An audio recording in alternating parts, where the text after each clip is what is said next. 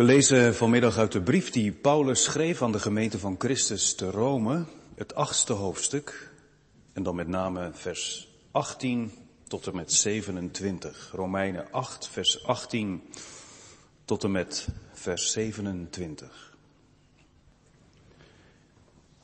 Want ik ben ervan overtuigd dat het lijden van de tegenwoordige tijd niet opweegt tegen de heerlijkheid die aan ons geopenbaard zal worden.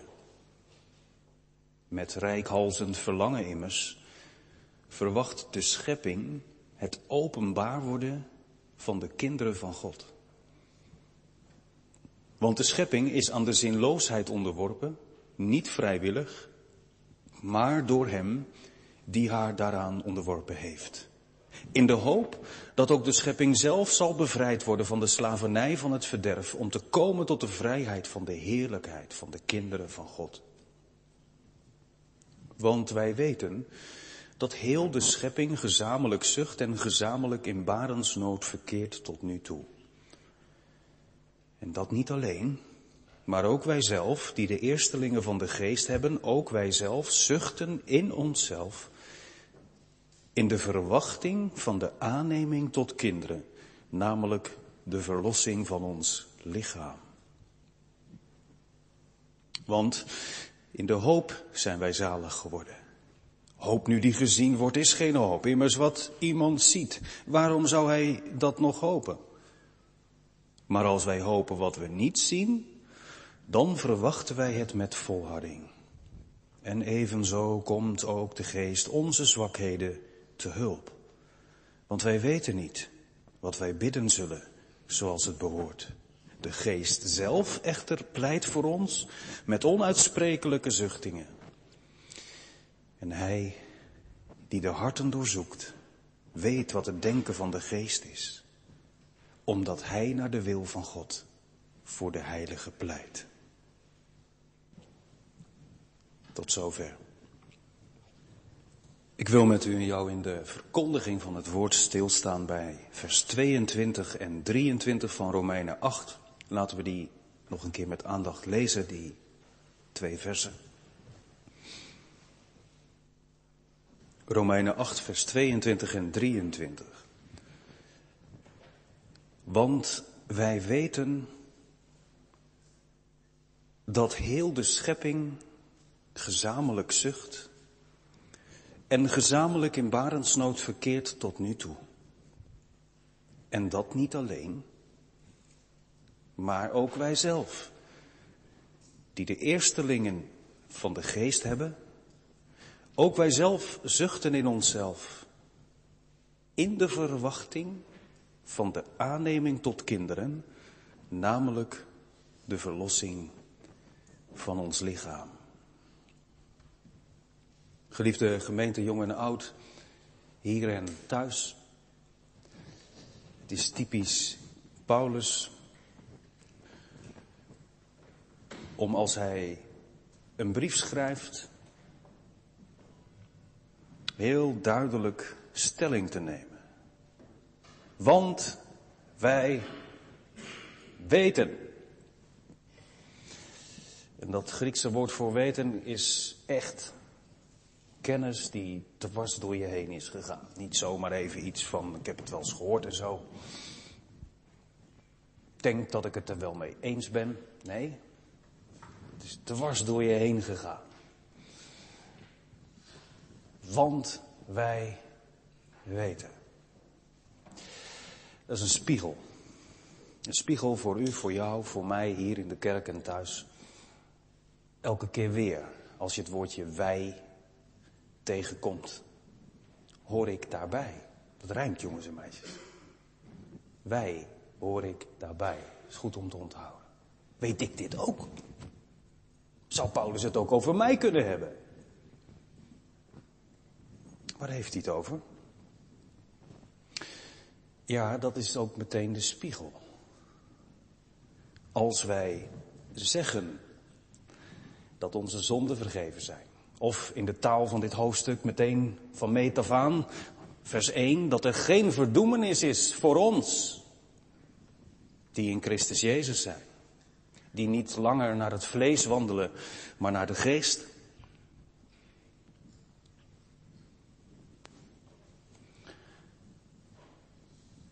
Weet je dan ook dat de schepping zucht? Als ik mij niet vergis, als het gaat over thema's als duurzaamheid, bewogenheid en betrokkenheid op de natuur, op het dierenleed, lopen we doorgaans niet vooraan als reformatorische christenen. En horen we maar zo ook bij die groep die vooral veel voor weinig willen hebben in de supermarkt. Maar als wij weten dat God onze Vader is en dat onze zonden vergeven zijn, dan zegt Paulus, dan hoor je ook dit te weten. Het een is niet los te verkrijgen van het ander. Wij weten. Wij die mogen zeggen, Abba Vader. Wij die niet langer naar het vlees wandelen, maar naar de geest. Wij weten, zegt hij in vers 22, dat heel de schepping gezamenlijk zucht en gezamenlijk in barensnood verkeert tot nu toe. Ja, dat zegt Paulus heel nadrukkelijk. Wij weten dat de schepping zucht. Nou zegt iemand, eerlijk is eerlijk, ik vind dat toch wel een beetje, ja, heel zwart-wit, zoals u de preek begint. Als je nadenkt over mensen die uh, uh, de Partij voor de Dieren stemmen. Eerder had je Marianne Thieme en nu weer haar opvolgster. Die kunnen zo bevlogen vertellen wat er allemaal aan de hand is. En ook andere linksere partijen, die staan breed uit te meten. Hoe goed het is om voor de natuur te zorgen, om duurzaamheid weer op de kaart te zetten. Mijn buurman die zegt atheïst te zijn, nou die is op dat gebied misschien wel een voorbeeld voor ons. Die eet biologisch vlees. En zijn vrouw die heeft het vlees afgezworen, is daar heel nadrukkelijk op betrokken. En je hoort die mensen bewogenheid hebben. En sowieso, al heb je helemaal niks met politiek en met duurzaamheid, als je gewoon de krant leest en de beelden ziet. Hoe de aarde langzaam maar zeker wordt uitgebuit. Steeds die discussie wordt gevoerd over het klimaat. Je hoeft toch niet bekeerd te zijn, je hoeft toch niet wedergeboren te zijn om te zien dat de schepping zucht. Ja, maar het is vooral de vraag, hoe kijk je? Hoe doorgrond je dat lijden? Waarom zucht je straks ook mee met dat zuchten van de schepping? Ik moest denken, jongens en meisjes, aan de tijd dat ik pastoraal werken was in Lunteren. En daar heb je heel veel boerderijen. Veel meer dan hier. En ik kwam nogal eens bij de boerenmensen over de vloer. Ook bij die boer die weduwnaar geworden was. En ik hoefde eigenlijk nooit door de voordeur, alleen gebeurde dat de eerste keer en daarna altijd via het klompenhok. Als ik een afspraak gemaakt had, dan wist ik, dan zit hij te wachten met de Bijbel op tafel in de keuken. Hij had het letterlijk graag over koetjes en kalfjes, maar figuurlijk niet. Hij wilde spreken over de Heer en zijn dienst. Dat, dat, dat, herinner ik mij nog. En, en, en ook dat hij door de tranen heen van het gemis van zijn vrouw toch ook zo uitzag naar de komst van de Heer Jezus. En ik herinner mij die keer dat ik een afspraak had gemaakt en ik ging via het klompenhok naar binnen. De Bijbel lag op tafel, maar de boer was er niet. Ja, dan is het niet zo moeilijk. Hij wist dat ik zou komen, dus hij kan nooit ver weg zijn. Ik dacht of hij is op het erf of in de stal bij de boerderij. En ja hoor, daar vond ik hem. Hij zat op zijn knieën in de stal. En ik zag zijn schouders schok, schokken. Ik dacht, huilt hij nou? En toen ik zijn naam riep, toen draaide hij zich om. En hij was aan het huilen, inderdaad. En ik zag ook waarom. Hij had een, een dood kalfje in zijn armen. En ik dacht toen nog, Ja, daar moet je ook echt boer voor zijn. Om zoveel van een, van een dier te houden, dat, dat je daar ook van kan huilen. Dat dacht ik. Maar zijn verdriet zat nog dieper. Weet je wat hij zei? Van Binsbergen jong, zo praten ze daar. Ik was toen nog helemaal jong. Van Binsbergen jong. Nou is dit beestje gestorven, ook vanwege mijn zonde. Moet je eens even over nadenken. Kon die boer toch niks aan doen? Dat is toch gewoon, ja, zo gaat het in het leven. Ja, maar dan zijn we weer bij Paulus. Paulus zegt, die schepping, die zucht onder het juk van een ander. Lees maar mee. De schepping, vers 20, is aan de zinloosheid onderworpen. Dat wil zeggen, het is niet meer, het gaat niet meer volgens het doel, het oorspronkelijke doel wat God ermee had. Namelijk dat dieren en mensen niet doodgingen. Dat er geen lijden was. Die schepping is niet vrijwillig en bij akkoord gegaan dat het zo gaat. Maar door hem, kleine letter, door de keuze van Adam, is de schepping onderworpen aan een vorm van zinloosheid. Het bereikt nog niet het doel. En daarom ziet die schepping rijkhalzend uit. Ik heb het nu al een heel aantal keren gehad over de schepping. Het is goed om te begrijpen dat Paulus hier alles bedoelt wat geschapen is, wat geen mens is. Dat zit in het Griekse woord. Daarom zit er ook een tegenstelling hè, in vers 22 en 23. Want wij weten dat heel de schepping gezamenlijk zucht. Dat is heel de schepping, de flora, de fauna, de planten, de dieren, de planeten, de zeeën, de aarde. Heel die schepping zucht in al haar delen. Maar dat onzijdig, niet alleen, ook wij zelf. Daar komt de mens te sprake, het zuchten van de mens. Maar in vers 22 gaat het over het zuchten van de schepping. En dat zuchten heeft alles te maken met dat ze niet tevreden zijn.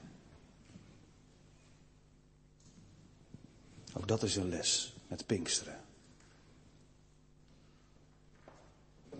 Als het bij mij maar redelijk gaat, huisje, boompje, beestje. En we worden niet al te ziek.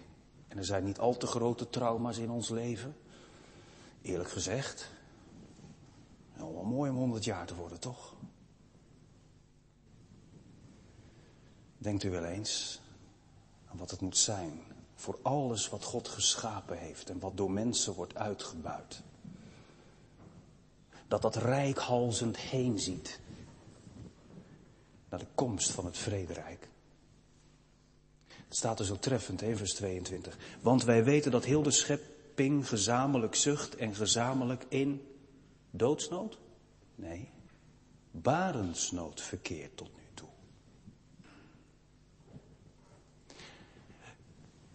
Dat betekent dat dat lijden niet zomaar iets is, hè? Dat hoef ik de vrouwen die weten wat het is om te baren niet te vertellen. Dat is een strijd maar omdat je uitziet naar nieuw leven. De geboorte van nieuw leven. Krijg je de kracht, de meeste vrouwen althans, om door te zetten, om vol te houden. Het is het baren van leven. Het is de nood waar je doorheen moet. In de hoop en de volharding. Je ziet het nog niet, maar straks wordt het kind op je buik gelegd. En hoor je dat eerste geluid. En zie je datgene wat je zo met liefde onder je hart maanden hebt gedragen voor het eerst. Dat beeld wordt gebruikt. Rijkhalzend ziet de schepping uit. Waar naartoe? Dat is ook opvallend. Ze zuchten met een doel. Dat er iets definitiefs verandert. En wat is het eerste moment dat ze weten, nu begint dat. Nu is dat nieuwe begin. Vers 19. Rijkhalsend verwachten, verlangen ze naar het openbaar worden van de kinderen van God.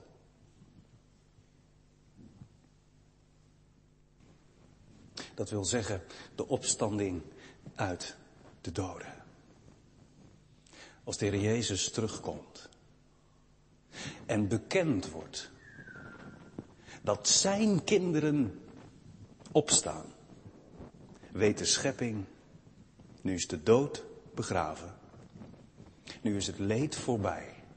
Opvallend hè, dat juist ook in de taal van de psalmen, neem psalm 98 bijvoorbeeld, de bergen en de heuvels lawaai maken, de handen klappen naar omhoog. Hij komt, hij komt om de aarde te richten. Zul je dat niet vergeten? Als je cavia, jongens en meisjes, als je die misschien hebt, of een ander liefdier, dood in zijn hokje ligt. Dan moet je niet zeggen, ach ja, dat hoort erbij. Nee. En dat je ziet in alles wat er misgaat. En wat wij er soms van maken met elkaar. Het rijkhalzend getuigenis. Het verlangen van dat wat geen, geen stem heeft gekregen om God te loven. Dat je ziet, het is gericht op de nieuwe aarde.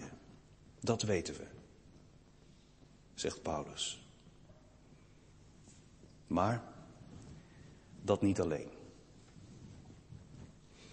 Ook wij zelf. En dan wordt het voluit Pinksteren. Ook wij zelf die de eerstelingen van de geest hebben. Ook wij zelf zuchten in onszelf. Wat is dat dan? Dan moeten we eerst weten wat Paulus bedoelt met de eerstelingen van de geest. En dan zijn we weer even bij vanmorgen. Een stille verwijzing naar het wekenfeest. Waar de eerstelingen van de oogst aan God werden getoond. God had een overvloed gegeven en als dank werd dan bij het wekenfeest aan God teruggegeven. Dank u, heren. Hier is het voorschot. Dit is het eerste van de hele oogst. Als Paulus hier dan schrijft over dat gelovigen ook zuchten omdat ze de eerstelingen van de geest hebben. Het voorschot van de geest. Wat bedoelt hij dan? Heel eenvoudig. Tenminste, ik hoop dat hij het zo eenvoudig interpreteert, jongens en meisjes. Dat wil zeggen, als de Heere God in jouw leven komt en je gaat in Hem geloven en je zonden zijn vergeven en niets kan je meer scheiden van de liefde van God en je bent overwinnaar in alles wat je meemaakt. Dat is een voorproefje van wat er komt. Dat wil zeggen, het is genoeg om te leven. Het is genoeg om te kunnen sterven. Het is genoeg om er doorheen te komen hier op aarde. Tijdens al dat zuchten. Maar het is niet genoeg om te zeggen, laten we het hier maar dan bij houden. Nee. Als je vervuld wordt met de Heilige Geest, ben je volledig vervuld. Echt waar. Is het helemaal vol. En toch kan er nog iets bij. De vergeving van zonde is geweldig. En toch is er nog meer. Dat is wat we hieruit leren. Misschien dat ik dat voorbeeld maar moet gebruiken, jongens en meisjes, wat ik ooit eens hoorde als, als jong ventje van dominee van der Belt, nu professor van der Belt. Dat ik het nu nog weet, geeft misschien wel aan hoe goed dat voorbeeld is. Het heeft mij toen wel geholpen. Hij zei, stel je voor een emmer. Nou, jullie weten wel wat een emmer is. Dat hoef ik niet uit te leggen. Dat doe je doorgaans wat in. Nou, stel je voor, zegt hij, dat je daar allemaal knikkers in doet. Wanneer is die emmer dan vol? Ja, als die tot aan de rand toegevuld is met knikkers. Ja, is die dan vol? Ja, toch? Met knikkers. Zeg maar, als je er dan ook nog heel fijn zand bij gooit, wat gebeurt er dan? Dan blijkt, tussen die knikkers zit toch nog ruimte. Het was vol met knikkers, maar er blijkt ook nog heel fijn zand tussen te kunnen gaan. Is die dan vol? Ja, met knikkers en met fijn zand. Kan er dan niks meer bij? Jawel, als je daar dan ook nog water over laat lopen, blijkt dat ook nog bij te kunnen. Dat voorbeeld gebruikt hij om aan te geven, je kunt helemaal vol zijn van God. Je kunt helemaal vol zijn van de vergeving van je zonde. Je kunt helemaal vol zijn van de vreugde in God. Dat dat grote verschil gekomen is in je leven. Ik wandel niet meer naar het vlees, ik wandel door de geest. En toch er kan steeds weer iets bij. Er moet ook steeds weer iets bij. Het smaakt naar meer. Het is het voorschot op het volle wat komt.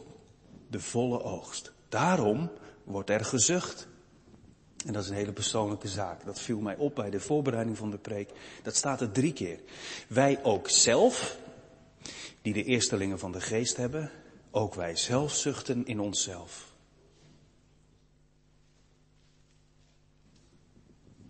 Je kunt er niet omheen. Het gaat door je heen. Is dat ook wat Pinksteren voor jou, voor u, met de wederkomst van Jezus verbindt? Zijn je zonden vergeven? Wat een geschenk?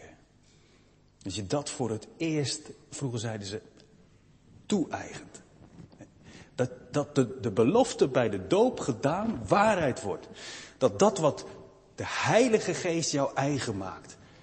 Dat Jezus Christus voor jou gestorven is. Voor je zonde. Wat een voorrecht om daarbij te leven. Wat een onzagwekkende genade van God dat als je epilepsie hebt. Of als je een ongeneeslijke ziekte met je meedraagt. Of dat je je lieve man of vrouw of zelfs een kind aan de Heer moest teruggeven. Dat je niet in opstand bent gekomen. Maar weet in dit alles. Zelfs de dood, zelfs de ziekte, zelfs tegenstand kan me niet scheiden van, van de liefde van God. Zo houd je het vol toch? Maar is er niet juist dan ook het verlangen naar de geboorte van een nieuwe aarde? Waar je nooit meer afscheid hoeft te nemen. Waar er nooit geen zorgen meer zijn over je gezondheid. Daar gaat het namelijk om. Die eerstelingen van de geest zijn zo rijk, het smaakt naar meer. Wat moet het zijn om zonder zonde, terugdenkend aan de vergeving die je ooit kreeg in de eeuwige heerlijkheid, alleen maar goed te kunnen doen? Ja, dat is inderdaad in geen mensenhart opgekomen. Dat heeft geen oog gezien en geen oor gehoord.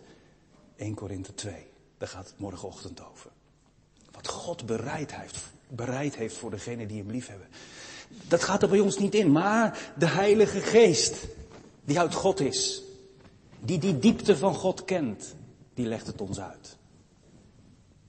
Zodat je hunkert naar meer. Nee, niet maar om met een boekje in een hoekje te gaan zitten. Niet om maar een soort kloosterleven te gaan leiden. Nee, juist niet. Je staat met beide benen in de werkelijkheid. Je ziet het. De schepping zucht. Dit is niet wat God wil. Het kerkhoven niet.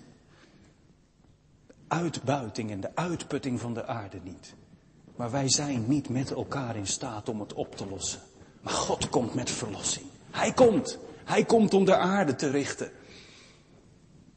En als de doden opstaan, ten leven, breekt de nieuwe aarde aan. Stil maar. Zucht maar. Wacht maar. Alles wordt nieuw, de hemel en de aarde. Nu gaan de bloemen nog dood. Maar er komt een tijd. Tijd van volkomen heerlijkheid. Paulus schrijft, dat is wat het voorschot teweeg brengt. Wij zuchten in onszelf in de verwachting van de aanneming tot kinderen. Ik weet niet hoe u of jij deze tekst leest. Het zou kunnen zijn dat je denkt, is Paulus nou ook iemand die de ene dag heel groot over God kan spreken en de andere dag het helemaal kwijt is? Ja, dat is die.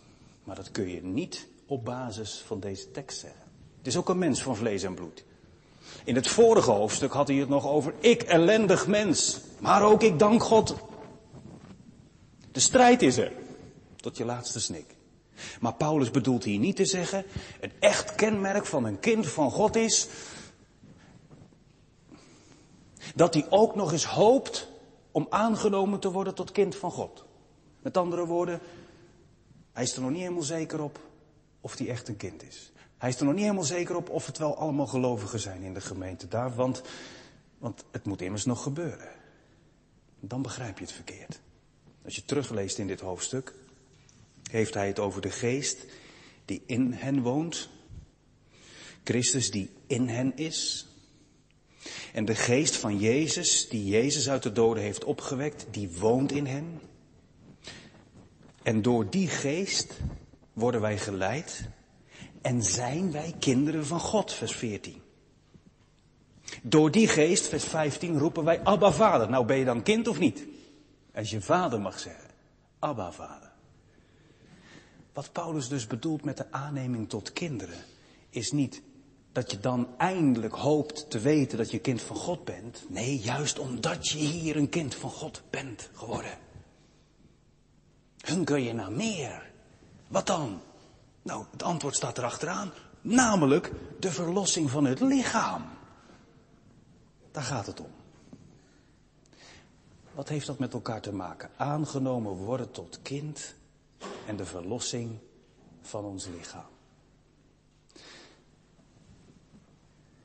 Dat heeft alles te maken met dat diepe verlangen. Dat diepe verlangen bij hen die wedergeboren zijn tot een levende hoop. Die volharden door de hoop en door het geloof. Ze zien het nog niet, daarom hopen ze het. Ze zijn gericht op dat moment dat ze die heerlijke geschenken van de vergeving van de zonde, de gemeenschap der heiligen, de volharding van de heiligen, dat ze die in een nieuw lichaam kunnen bejubelen. En met een nieuw lichaam de Here kunnen dienen. De aanneming tot kinderen. Dat je met nieuwe ogen je heiland mag zien. Dat je voor het eerst in je leven, in het eeuwige leven, de Heer Jezus en de Vader en de Geest kunt eren. Met alles wat in je is. Verlang je daar ook naar? Juist omdat je ook weet, het is nog niet volmaakt. O, gelukkig zijn er die hoogtepunten. Maar wat val ik mezelf soms tegen? Wat zou God nog veel meer aan mij kunnen hebben? En wat zal het zijn als straks ook in het dierenrijk en in de plantenwereld Gods gunst en glorie weer ruist en bruist als nooit tevoren? Is zoals ik ooit eens een oude vrouw hoorde vertellen over de tijd dat het adopteren van kinderen nog niet zo eenvoudig was, dat is het vandaag de dag ook niet, door allerlei perikelen. Maar toen was dat vooral omdat het allemaal in de beginnende fase was en ze vertelde. In de tijd dat er nog geen computers waren, dat ze op een gegeven moment bidden zochten naar, naar een kind van een ander. En dat ze het op hun hart kregen omdat God hun de kinderzegen had onthouden om juist te zoeken naar een kind met een plekje. Een kind met een litteken, een kind met een handicap. Ze zei, toen kregen we op een gegeven moment een A4'tje met foto's, maar we wilden niet van een plaatje kiezen. We hebben het bij God gebracht en bij de organisatie neergelegd. Geef ons een kind wat het zo hard nodig heeft dat het een papa en mama krijgt. Toen zei ze op een gegeven moment was het rond. We kregen de papieren thuis. En we zouden de vader en moeder zijn van een meisje van vijf jaar. Wat ontzettend veel had meegemaakt. Wat ik u en jou zal besparen. Misschien ook vanwege de vele kinderen in de kerk. Wat kan een kind al heel vroeg worden aangedaan? En in de steek worden gelaten. Zo ga je niet met de dieren om. Zeker niet met een kind. Maar dat gebeurt. Toen en nu. En wat een voorrecht dat er dan mensen op je pad komen door God geleid die voor je willen zorgen. Maar om het beeld af te maken, die vrouw die, die zei, ik zal nooit vergeten dat we wel tegen iedereen konden zeggen, we hebben nu rechtsmatig een kind geadopteerd. Wij zijn nu de nieuwe papa en mama. Maar we hadden het nog nooit gezien.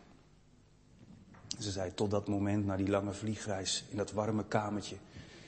Ik zie nog die ventilator heen en weer gaan. En ik was zo gespannen. Straks gaat die deur open en dan zien we voor het eerst dat meisje. Hoe zou dat gaan? Zou ze het niet eng vinden?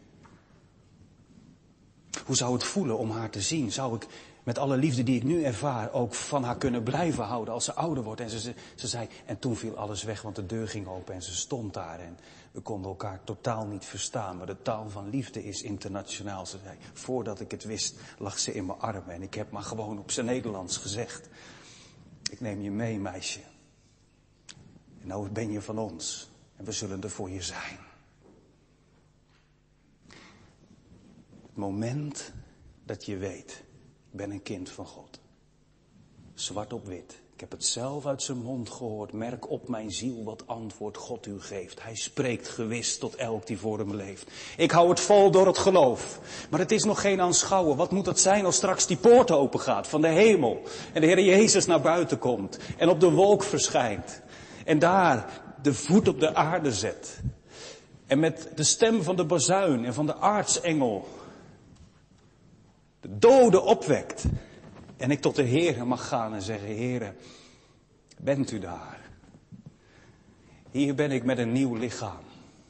Niet alleen maar aangenomen tot kind door het geloof, maar nu ook om te zien.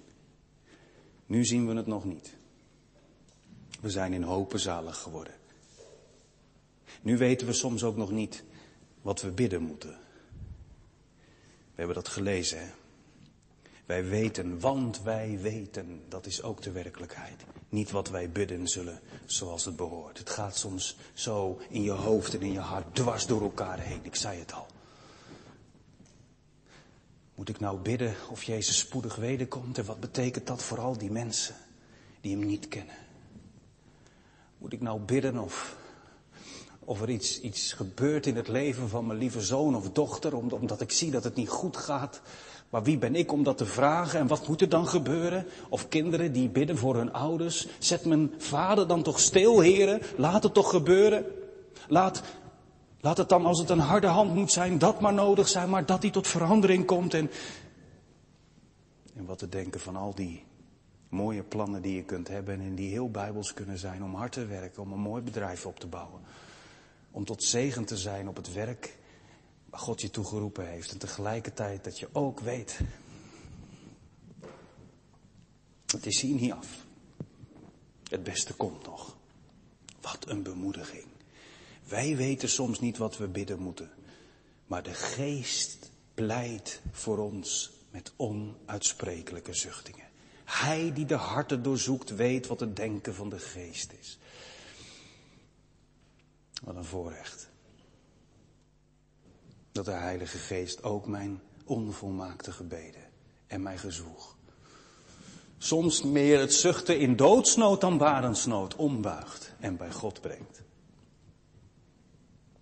Ik heb dat voorbeeld wel eens gebruikt, jongens en meisjes, volgens mij. Toen ik hier nog niet predikant was, toen ging het ook over de voorbeden van Jezus. Het gebeurt wel eens dat jongens thuiskomen en dan naar vader gaan en zeggen, pa kijk eens, een bos bloemen voor mama, geplukt aan de kant van de weg. En dat die vader denkt, ik maak hem een klein beetje mooier. Deze vader zou dat niet doen, want ik kan soms bloemen van brandnepels niet onderscheiden. Maar zijn vaders die weten dat wel. En dat is het beeld dan natuurlijk. Hè? Dan gaat het het onkruid ertussenuit, zodat jij bij mama een prachtige bos bloemen kunt geven. Zo is eigenlijk ook het beeld wat Paulus gebruikt als onze gebeden niet zijn zoals het behoort, maar het is niet moedwillig. Het is je zwakheid nog. Het is het nog niet helemaal doorzien. Het is wel het hopen, maar ook het, het, het strijden dat de Heilige Geest voor ons pleit bij God. We hebben dat vers niet gelezen, bewust niet, omdat dat de laatste zin van de preek is, ongeveer. Maar dat is de heerlijke werkelijkheid.